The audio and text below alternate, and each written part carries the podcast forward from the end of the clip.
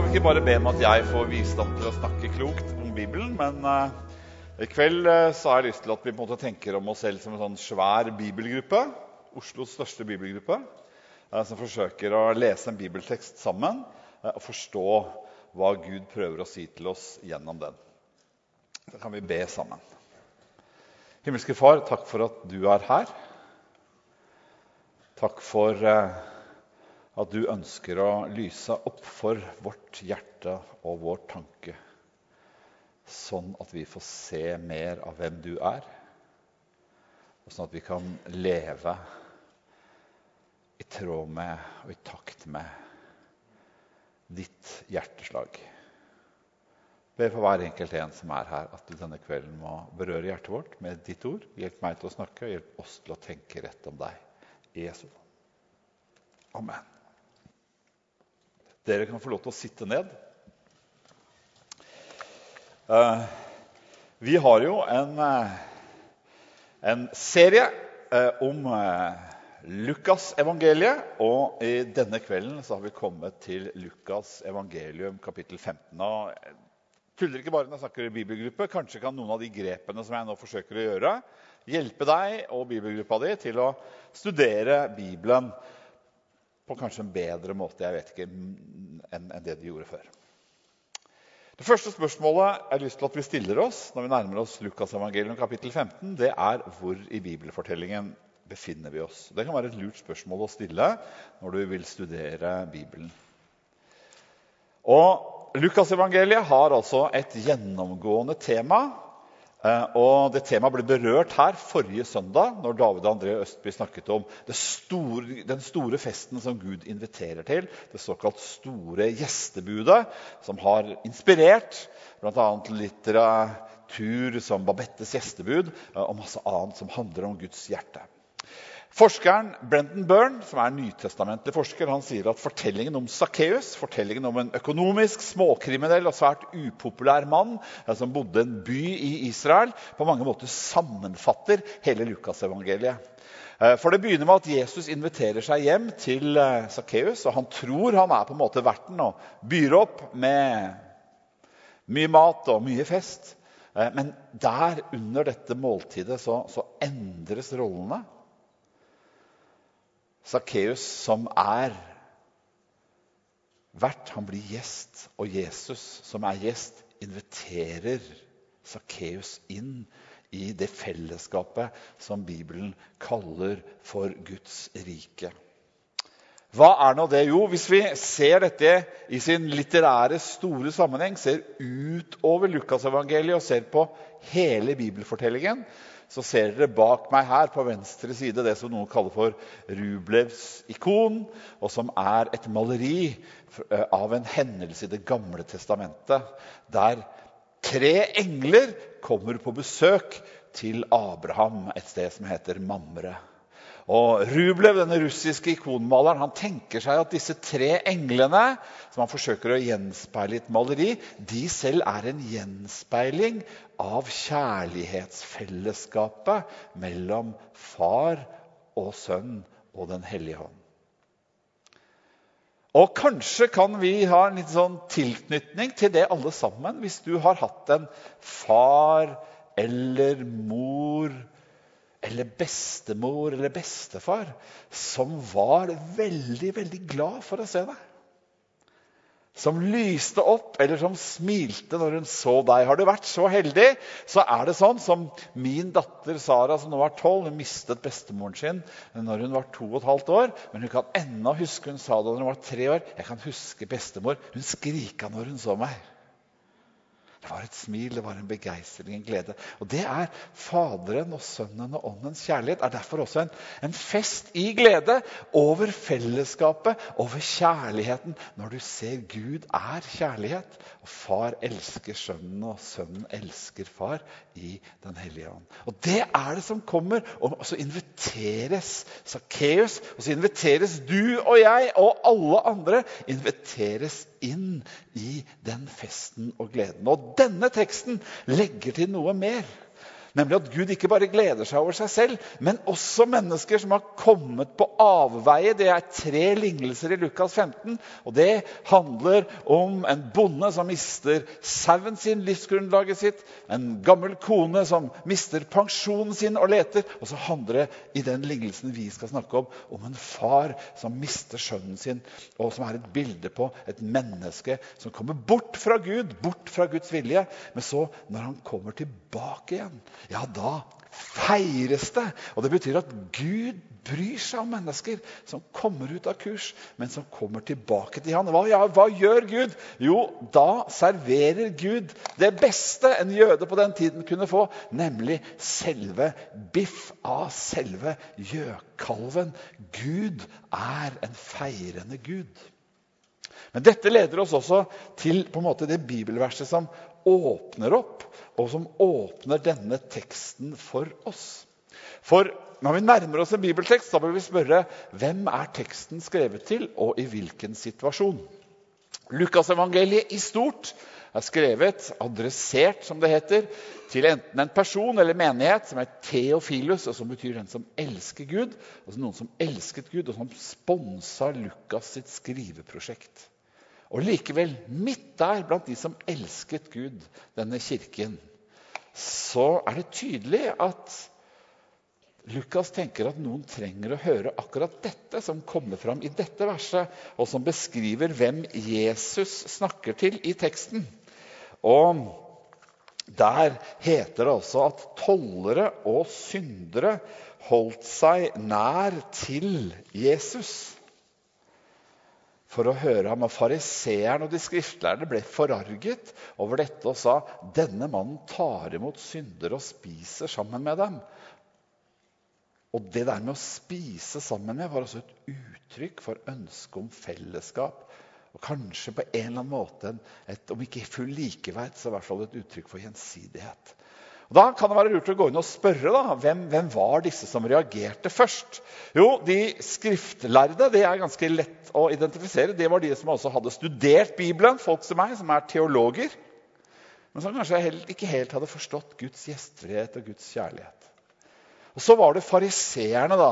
Og Det var en, forny, en, religiøs fornyelsesbevegelse som tenkte at vi må ikke bli for lik romerne og grekerne. Og så fant de opp masse gode praksiser som gjorde at man kunne praktisere jødedom i hjemmet og i hverdagen. Og sånn sett utvikle troen på Gud. Og ikke bare var det ytre ritualer heller, men de var opptatt av lidenskap for Gud. Men av en eller annen grunn så, så snur denne lidenskapen om til å bli forargelse og sinne når Jesus er sammen med tollere og syndere. Og hvem er så den gruppen, da? Jo, tollerne. Det er, og der vet vi at det er veldig få samfunn hvor skatteinnkreverne er veldig populære. Jeg vet ikke om Det er det første du tenker på. liksom. Er, hva, hva tenker du når du ser en parkeringsvakt? Helt ærlig nå. Særlig hvis du har fått en av de gule lappene. Men ok, Sånn er det min egen bestefar. Han plantet en menighet i Valset på Hedmarken. og Han ble ved et tidspunkt kjeppjaget og jaget ut av bygda. Og det siste det sa han, vi skal jage ut to grupper av mennesker fra denne bygda. Vi skal bli kvitt pinsevennene og ligningsvesenet. Så er det sånn at eh, disse her var nok litt verre enn vanlige skatteinnkrevere fordi de arbeidet altså for og i allianse med okkupasjonsmakten, nemlig romerne.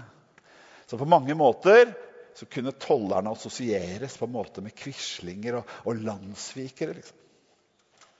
Hvem var så synderne? Jo, de er eh, av mange slag. Men eh, ofte kan vi tenke at eh, hvis vi er liksom bare liberale. og så, og så, og så. Men, men, men, sånn er det nok ikke her. at Det er ikke det samme som nåde. og det, det ser du her, fordi de synderne som Jesus omgiks, det var ikke bare mennesker som var si, politisk korrekte syndere.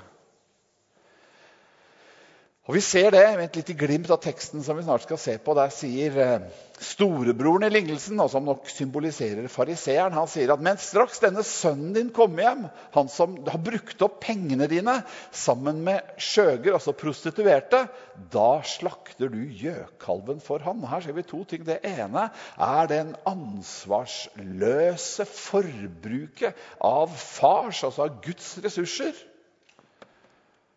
Og det andre er altså det som eh, kvinnegruppen Ottar og andre ville spraye på bilen til de som kjører bestemte steder i Oslo, nemlig en horekunde.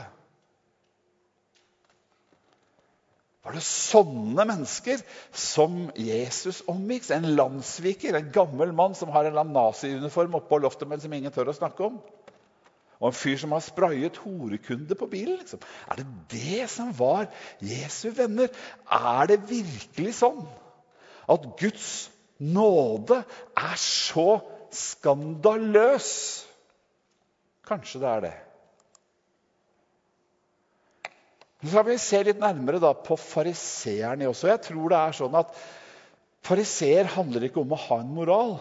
Jeg tror alle mennesker skal ha en moral. Vi skal alle sammen reagere når vi leser om kjendiser som har brukt BBC til å lokke og misbruke små barn. Da skal det være noe i oss som reagerer.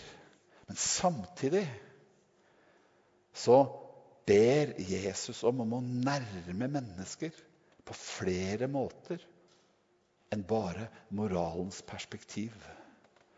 Og skal vi se og bli kjent med fariseeren i oss. For jeg tror det er sånn at ja, da, Du har på en måte gode, klassiske, konservative kristne som er veldig opptatt av at mennesker lever utenfor Bibelens normer og, og på en måte avskriver dem. Det er én type. Og så har vi fått en annen type i vårt samfunn, som på en måte er de som da reiser seg, Vi hadde en debatt i mediene for noen år siden om moralpoliti. Og så reiste det seg et moralpoliti mot moralpolitiet. Og så får vi de som på en måte da kan hetse de som har konservative meninger. Og så ender vi opp på en måte ikke bare med én, men med to grupper av mennesker som, som dømmer og som fraskriver andre kanskje retten til å få være i Guds fellesskap, i Guds rike.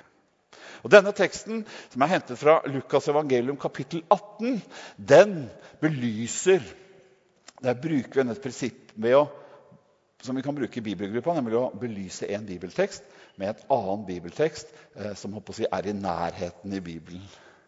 To menn gikk opp til tempelet for å be, sier Jesus i Lukas 18. Den ene var fariser, den andre var toller. Fariseeren stilte seg opp og bar slik. Gud, jeg takker deg for at jeg ikke er som andre mennesker, som snyter, gjør urett, bryter ekteskapet, eller som tolleren der. Jeg faster to ganger i uken og gir tiende av alt jeg eier.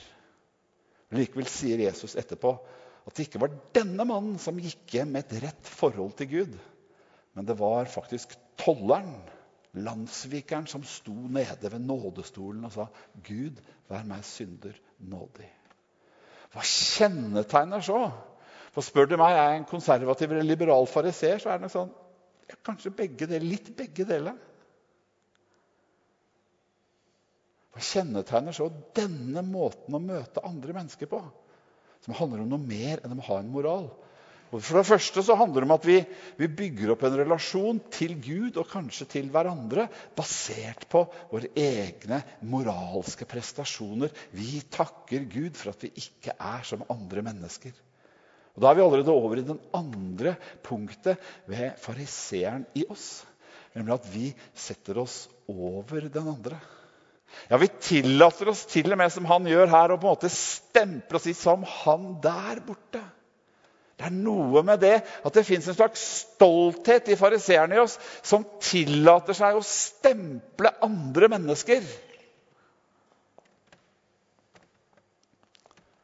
Som konemishandlere. De har gjort en feil. Som skattesnyktere. De har gjort en feil. Og så plasserer vi på en måte den lappen lappen i panna deres resten av livet. Og så tenker vi ja, jeg representerer det moralsk gode. De representerer et eller annet. Og her er det jo sånn at Liberale og konservative fariseere kan jo forenes i oss. Vi kan forenes i metoo, vi kan forenes kanskje i miljøspørsmålet. Og så kan vi si at nei, de menneskene der de blir jeg provosert av hvis Gud inkluderer eller Gud bruker. Og I det ligger det også en grunnleggende dyp stolthet i oss selv. Kanskje kan det være sånn Jeg tror ikke jeg har fått sagt alt om fariseeren i oss, men kanskje har jeg satt deg på sporet av han eller henne. Og så kan vi da møte oss selv i denne scenen som handler i, i, i, denne lignelsen som jeg skal fortelle i noen scener nå mot slutten av talen. Og som handler om, om to sønner. Og kanskje er det sånn at vi har litt av begge disse sønnene i oss alle sammen. Um, på Jesu tid så var det sånn at det var en fordom mot den yngste sønnen i familien om at han gjerne var det bortskjemte, uansvarlige barnet eh, som kom til å sløse bort fars ressurser. Og på mange måter så bekrefter på en måte lignelsen det bildet. I vår kultur og hos managementtenkere som Simon Sinek og andre så begynner man å snakke om millenniumsgenerasjonen. Og millenniumsgenerasjonen er den generasjonen som kanskje noen av dere er. Så nå skal jeg være veldig forsiktig. Men Sinek sier at du har blitt født opp, vokst opp, og du kjenner deg helt sikkert ikke igjen. Det er sikkert de andre som er sånn. Du kan bare nå takke Gud for at du ikke er som de andre. Du har fått høre at du er spesiell, at du er verdifull, at du er unik, at du har fantastiske evner. Og Det betyr at du til en viss grad lever i det helt til man kommer inn i arbeidslivet og organisasjonslivet og må komme på tida og ikke kan komme når man vil og være så spesiell, men blir stilt krav til å se at andre yter, at det kanskje ikke er godt nok det jeg gjør. Og så blir verden veldig vanskelig. Fordi jeg ikke bare er spesiell og ikke bare kan gjøre som jeg vil. Og Samtidig så tror jeg vi har litt av den, det der lekne, men uansvarlige barnet i oss alle sammen. Også oss som er passert over 50. Kanskje har vi også den andre stereotypien som dukker opp eh, i, i, sosiologisk litteratur, nemlig tanken om generasjonprestasjon. Og han kommer du til å møte her i den eldre broren i lignelsen. Og Da skal vi lese. En mann Jesus sa en mann hadde to sønner. Den yngste sa til ham, 'Far, gi meg den delen av formuen som faller på meg.' Han da, skiftet da sin eiendom mellom dem, og ikke mange dager etter solgte den yngste sønnen sitt og dro til et land langt borte. Der sløste han bort alle pengene i et vilt liv. Det som skjer her i første scene i fortellingen, det er egentlig at sønnen virkelig bringer skam over sin far. For det han egentlig sier her, det er jeg skulle ønske du var død. Kan ikke jeg bare få ut arven og alle pengene nå? Og Det å gjøre noe sånt det var helt uhørt og skamfullt, men det ble en dobbel skam for faren. fordi at i en såpass gammel kultur Jeg var her for noen uker siden i Afrika, og der er det fremdeles sånn at hvis sønnene eller barna gjør noe som er skamfullt, så bringer det mer skam over foreldrene som har oppdratt dem, enn seg selv. Denne gutten her, han bryr seg ikke. Han drar av gårde til et annet land, og det leder oss til scene nummer to. Der sløste han bort alle pengene i et vilt liv. Kanskje er dette også fortellingen, og en fortelling som ringer i mine ører, er en kollega av meg som heter Niklas Pienso, som er fra Sverige, og som har en yngre kollega som er pastor. og Han hadde mistet sønnen sin på et sånt kjøpesenter. Eh, sikkert i Strømstad, med Godisfabrikken i Strømstad. I hvert fall Det var der han fant han igjen. Da finner han igjen barnet med liksom, sjokolade liksom, i munnvikene og marshmallows i håret og sure seigmenn over hele kroppen. Og han sitter bare og spiser og spiser. Og han er jo litt glad for å se sønnen, er veldig glad for å se sønnen igjen, men kanskje litt flau over at her sitter barna hans bare og gafler i seg. Liksom. ja, men gutten min, du kan da ikke gjøre sånn. Og da svarer han, å jo da, pappa, jeg har tilgitt meg selv.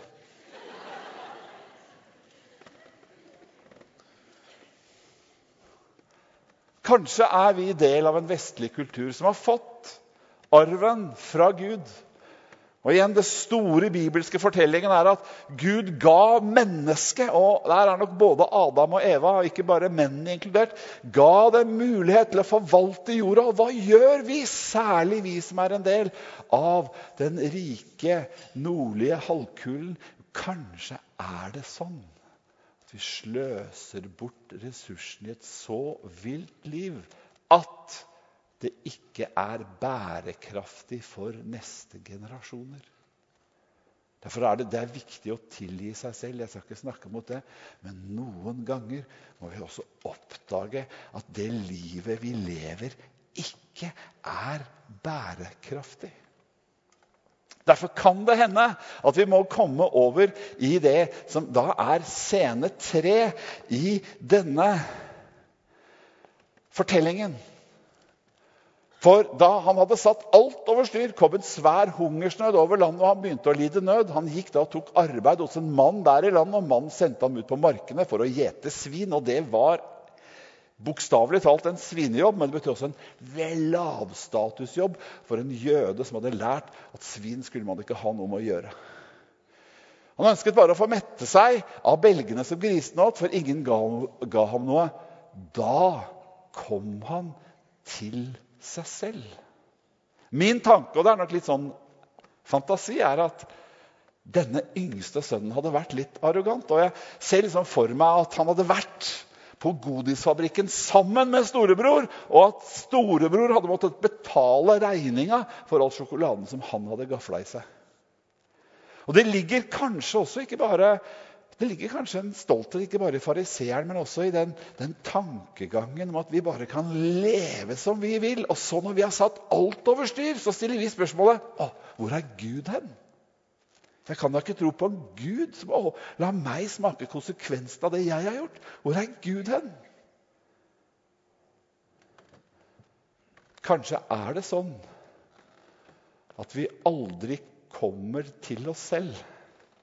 Kanskje er det sånn at vi aldri finner oss selv bare ved å oppdage at vi er unike og spesielle. For det er sant, og det er en halv sannhet. Men den andre halve sannheten det er å ta ansvar for det jeg har gjort, som er galt. Være Avicii på et eller annet tidspunkt. Og jeg håper han fant Gud i sitt mørke. På et eller annet tidspunkt oppdaget når han synger 'Wake me up when it's all over', og så sier han i didn't know that I was lost. Så Det er også forskjell på den der skråsikkerheten hvor jeg sløser bort Guds ressurser i et rått og hemningsløst liv, eller utnytter andre, som han hadde gjort. Kanskje denne sønnen både hadde brukt og misbrukt både vanlige og mindreårige prostituerte uten å vende om, uten å komme til seg selv. Kanskje med en stolthet. Og Bibelen sier Gud står den stolte imot, men den ydmyke gir han nåde. Så kommer han til seg selv og skjønner at han er fortapt. Da vender han om og så bestemmer han seg for kanskje jeg skal gå hjem til far. Og så får vi da den fjerde scenen som også handler om oppbrudd og omvendelse. Og så sier han alle arbeidsfolkene hjemme hos min far har mat i overflod, mens jeg går her og sulter i hjel. Jeg vil bryte opp, gå til min far og si, 'Far, jeg har syndet mot himmelen og mot deg.' Jeg kan stoppe der, for det er jo nettet som vi ofte glemmer. Vi tenker, ja, jeg har gjort det. Men det vi har gjort har jo krenket og skadet et annet menneske. Derfor er det fint å tilgi seg selv. Men det er ikke nok. For det vi har gjort noen ganger også, ødelegger og messer opp livet til andre. Men nettopp når vi begynte å gjøre den, den der erkjennelsen, så begynner vi å miste bildet av den gode Gud. Og så tenker vi mm, Vi sier nesten som Alec Benjamin sier Could you find the way to let me down slowly? A little sympathy I hope you can show me. Jeg fortjener ikke å være din sønn, men la meg få lov til å være i hvert fall som en eller annen slave, som en leiekar. så har vi mistet bildet av den gode Gud. Og så går vi kanskje i vår omvendelse ikke tilbake til fars kjærlighet, men inn i en tilstand av slaveri hvor vi bare prøver og prøver å gjøre oss bedre. Men heldigvis så tegner Jesus et annet bilde av Gud.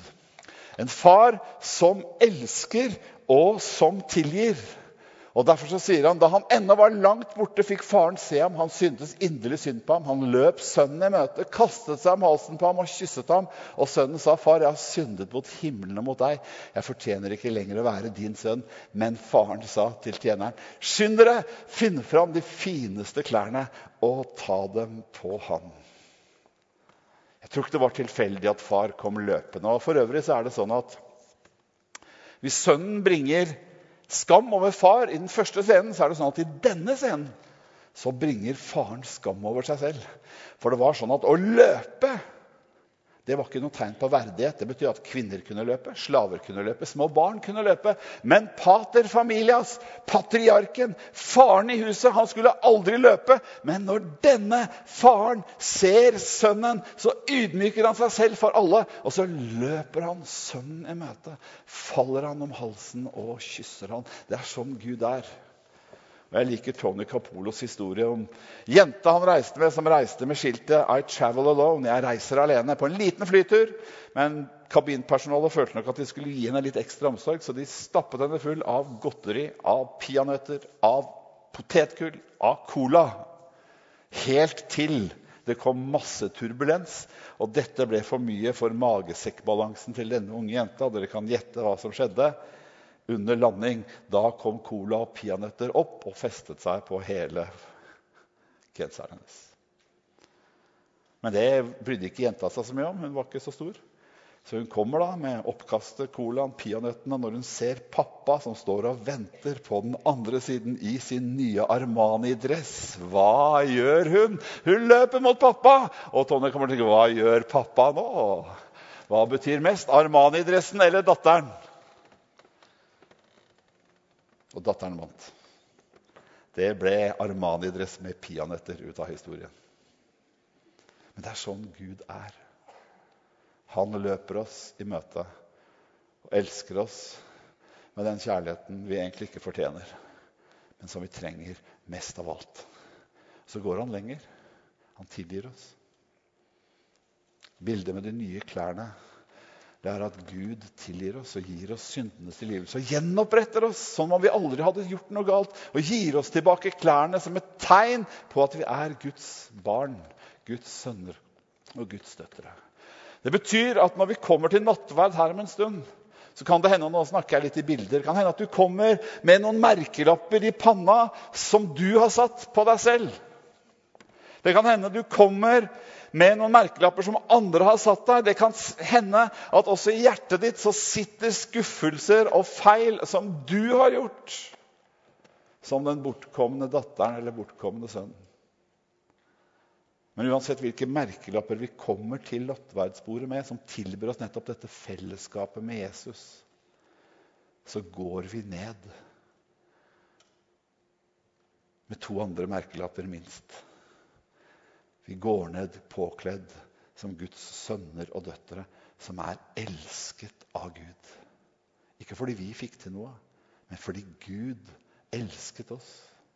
Ga sin sønn til soning for våre synder. Og så sier Bibelen at Jesu, hans sønns blod, Guds gave, Jesus stedfortredende død for det gale vi har gjort, det tar bort, det renser, det fjerner all synd. Og om ikke det var nok, så gjenoppretter også faren sønnens autoritet ved å gi ham signetringen, som betyr at han er ikke lenger en slave, men han er en del av familien som bærer autoriteten som Gud har gitt. Og så arrangerer han en stor fest. Det er jo her det kan bli litt sånn, også for meg, for å være ærlig, en litt sånn skandaløs nåde igjen. Jeg tror det også er sånn fordi vi ennå lever i en ufullkommen verden, at det er ikke alltid vi kan gi mennesker som har gitt brutt tillit for eksempel, overfor små barn, kan vi ikke alltid pga. gjentagelsesfaren alltid gjenopprette posisjoner. Men jeg tror at det finnes et eller annet form for ansvar. Hvorfor det? Fordi det ligger også i Guds hjerte. Å ta mennesker som apostelen Paulus, mannen som har skrevet en tredjedel av Det nye testamentet, og som faktisk var en religiøs, fanatisk fariseer. Så fanatisk som enkelte IS-folk at han var med å bestemme drapet på den første, og kanskje også de første kristne martyrene. Han var på mange måter en morder, men så velger Gud i sin nåde å møte ham på veien til Damaskus, og så forvandles Paulus til å bli kanskje den viktigste formidleren av Guds nåde og Guds kjærlighet både i sin generasjon og vår. Hvordan kunne han ta en morder og gjøre noe sånt? Det er sånn Gud er. Det er sånn Gud er. Derfor skaper også et nattverden et nytt fellesskap mellom oss, hvor vi ikke møtes og kan bare avskrive de andre. Men hvor vi møtes som mennesker som har blitt gjort til Guds barn av Gud selv. Men da kommer gjerne dette, som jeg startet talen med, og som jeg på en måte slutter med. Nemlig brorens reaksjon og fars invitasjon. Da ble han, og da snakker vi også om storebroren, da ble han sint. og Jeg kan jo forstå han.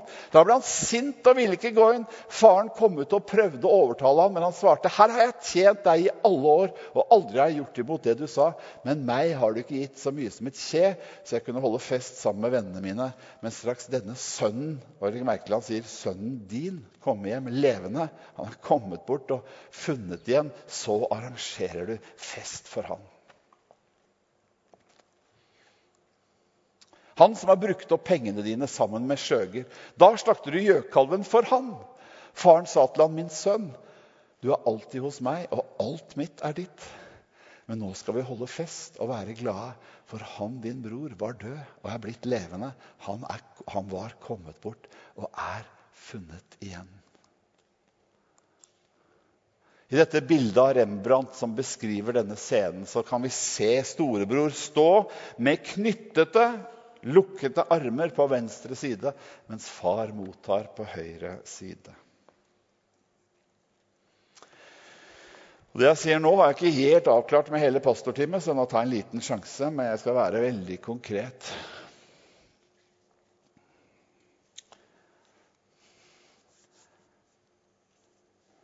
Jeg tror det er en, en, invitasjon for oss til å bevege oss fra Han. Jeg tror ikke dette er så veldig kontroversielt. det jeg sier nå fra å bevege oss fra han som står på høyre side. Så jeg tror vi kan bære, litt sånn uavhengig av hvor vi står, så kan vi bære noen sånne fordommer som gjør at vi plasserer noen merkelapper på mennesker. Og så avskriver vi noe, og så ønsker vi på en måte ikke ah, at de skulle komme tilbake. Og jeg kunne dratt noen navn her prøve å balansere det. Noen av dere har liksom kanskje vokst opp som meg med tenkt at liksom, ja, det var godt at Trond Giske fikk en smell, for han har liksom kalt oss kristne for sekter. Men det ligger ikke i Guds hjerte å tenke om mennesker sånn. Noen av oss vil kanskje tenke ja, Donald Trump han er bildet på alt som er galt med Amerika. liksom. Grab dem, for å holde meg til det. Bygg en mur mot dem. Så avskriver jeg tenker at hvis Gud noen gang skulle bruke han, ja, da vet jeg ikke hva jeg vil tro på Gud. Jeg vet ikke hva dine navn er. Men poenget mitt i kveld det er at Gud inviterer oss.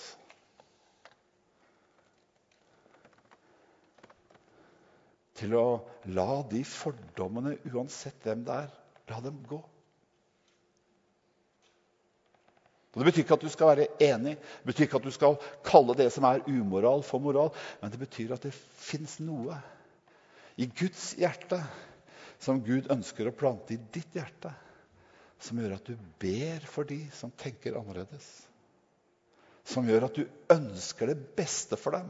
Som gjør at du ønsker at om den som du tenker annerledes om, skulle vende om til Guds hjelp, til Guds fest eller på en annen måte få gjenopprettelse, så fins det også plantet ned noe av Guds fest og sjenerøst i ditt hjerte som gjør at du ikke bare dømmer, fraskriver og blir sint om Gud skulle velsigne dem. Men du gleder deg over at den som har kommet bort, er kommet tilbake.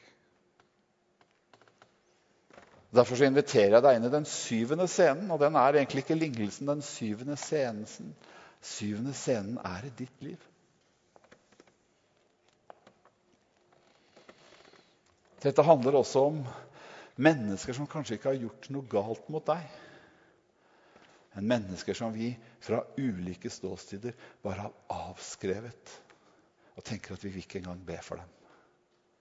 Men i kveld så inviterer Gud deg til sin fest. Du kan få komme og ta imot nåde. Luther sier at å forkynne evangeliet det er som å stå og kaste ut gullmynter. Og nattverden, det er som han går og plukker opp gullmynten og så legger han det i hånden og sier, vær så god, vær så snill, ta imot min kjærlighet. Hvordan er Guds kjærlighet? Jo, Den sterkeste nattverdshistorien for meg den handler om noen psykisk utviklingshemmede som skulle feire nattverd på Nordmarkskapellet i Oslo.